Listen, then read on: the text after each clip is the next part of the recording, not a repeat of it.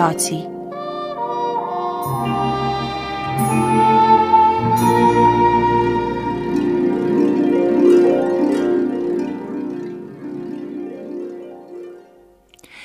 Neke čudne noči se je coprnička Marička predramila iz san. Nekaj časa je mirno ležala, potem je vstala, bosa in razoglava stopila iz hiške in se ozrla v nebo. Dolgo je strmela, kdo bi vedel, kaj in zakaj. Ko se je vrnila v hiško, je bila budna in kar malo čudna. Hitro se je uredila, kot bi bilo jutro. Mirno je pozajtrkovala, kot da ne bi bilo sredi noči.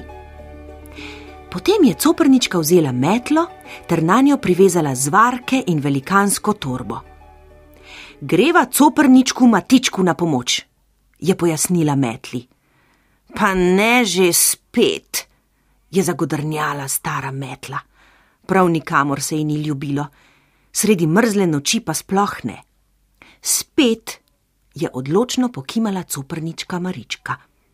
Vsakih sto let ga rešujeva, je godrnjala metla. Coprnička Marička se je samo ljubeznivo nasmehnila. Metla pa je kar tečnarila. Le kje se je tokrat zataknil? V Benetkah, je odgovorila Marička. Metla je zavila oči. Je nesrečen ali izčrpan, je bolan ali zaljubljen? je nataknjeno vprašala. Mm, vsega po malem in vsega v izobilju, je rekla coprnička in se nasmehnila. Nadela si je klobuček in ukazala: V Benetke! Metla je hočeš nočeš švignila skoraj med zvezde, vijugala med meglicami in oblaki, coprnička Marička pa je brundala eno zaljubljeno italijansko pesmico.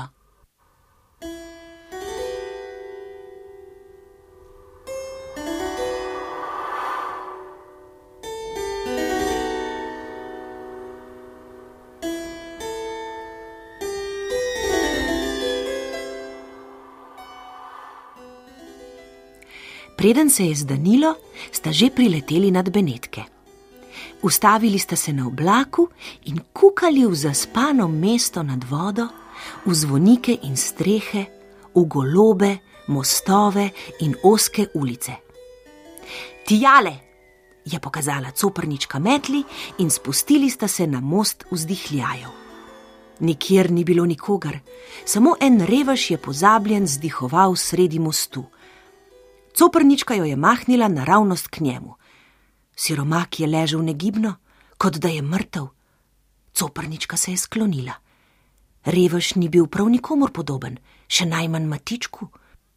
Na mesto obraza je imel rilec, izpod kape so lezle krastače, na mesto rok in nog so vijugale kače. Coprnička Marička je globoko zajela sapo in se še enkrat sklonila.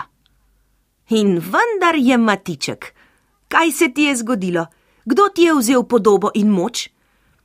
Matiček je na pol zarigal, na pol spregovoril. O, moja dobra zlata Marička, pomagaj, uročila me je lepotica v beli obleki, v rožnatih čipkah, sladka in gladkega lica. Nagnila se je, me poljubila in glej, sploh nisem več jaz začarala me je v grozno pošast. Matiček je milo zajokal, Marička pa se je sklonila k metli, vzela iz torbe stekleničko, jo stresla, pokapljala z varkom matička in nekaj mrmrala. Vzniknil je visok plamen, pokadilo se je in zasmrdelo. Krastače so zbežale in kače so se umirile, tudi Matička ni bilo nikjer. Samo en žalosten, čuden stvor je ležal in je dikoval sredi mostu. Metla je pogledala coprničko. Ta je vsa zauzeta še kar žlobudrala čudne verze in škropila skrivnostnim zvarkom ubogega matička, ki je to bil in vendar ni bil. Na zadnje je Marička le odnehala.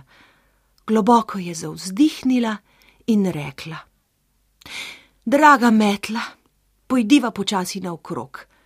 Tokrat res ne vem, kako se bo izšlo. Kdaj pa ni tako? je zavreščala metla in ubogala. Marička se je oprijela sitne metle, spustila na se dolgo, zelo dolgo krilo, se dvignila od tal in že sta odleteli čez Markov trg.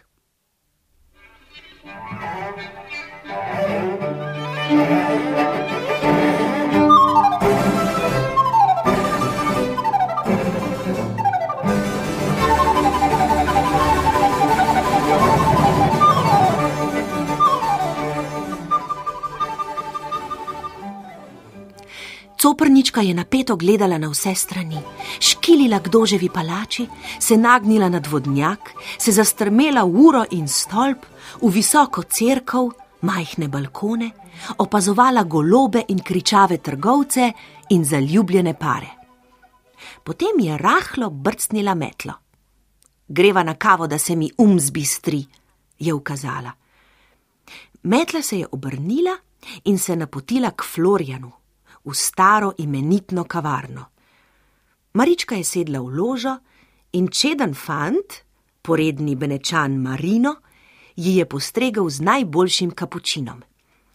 Marička je užitkarsko srkala kavo in vprašala Marina. Mm, ti gotovo veš, kje bi našla beneško lepotico v beli obleki in sladkega lica. Takih kar mrgoli, se je zasmejal Marino in hitro dodal. Je pa res, da je sredi zadnjega karnevala obiskala Benetke silno mična gospodična. Rada se sprehaja v beli čipkasti obleki in rožnatih čeveljcih. Kdor želi, temu za cekin pove, kje bo našel ljubezen, ki ne mine, kje je zaklad in še kaj.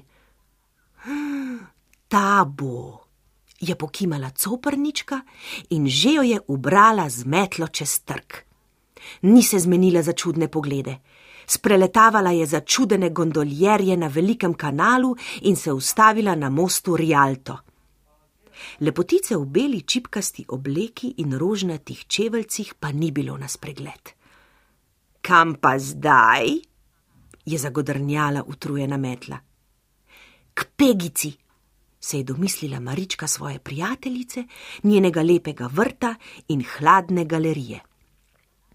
Že sta leteli med golobi nad mestom in pristali na vrtu, kjer je sedela lepotica, strmela v kroglo, pobirala cekine in vsem govorila besede sladke in fine. Pa jo imava, je šepnila coprnička. Postavila se je v vrsto pripravila cekine in vprašala lepotico, če pozna njeno skrivnost. Lepotica je dvignila svoje modre oči in se zdrznila. Coprnički je odklenkal čas, coprnička vzel je mraz, se je zahihitala. Marička je mirno spustila cekine v nastavljeno dlan in zamrmrala en skrivnosten cipr copr lepotici na uho. Ta je prebledela in pozelenela.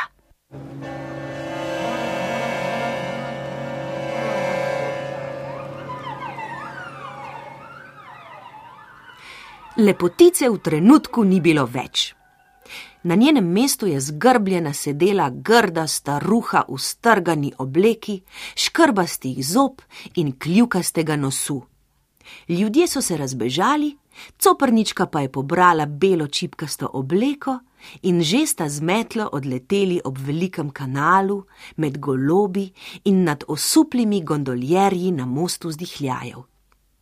Marička je zlezla z metle, pokrila matička s prelepo obleko, ga pokapljala z varkom in zamomljala en strašen cipr copr.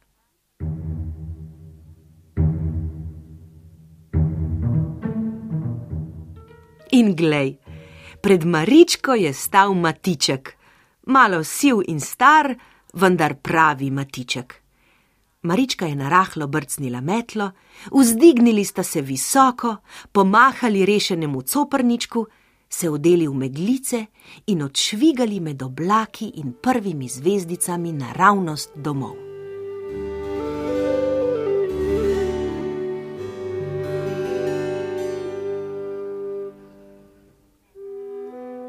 Metla je godrnjala, Marička pa je ni poslušala. Zasanjana je tiho pela eno zaljubljeno italijansko pesmico.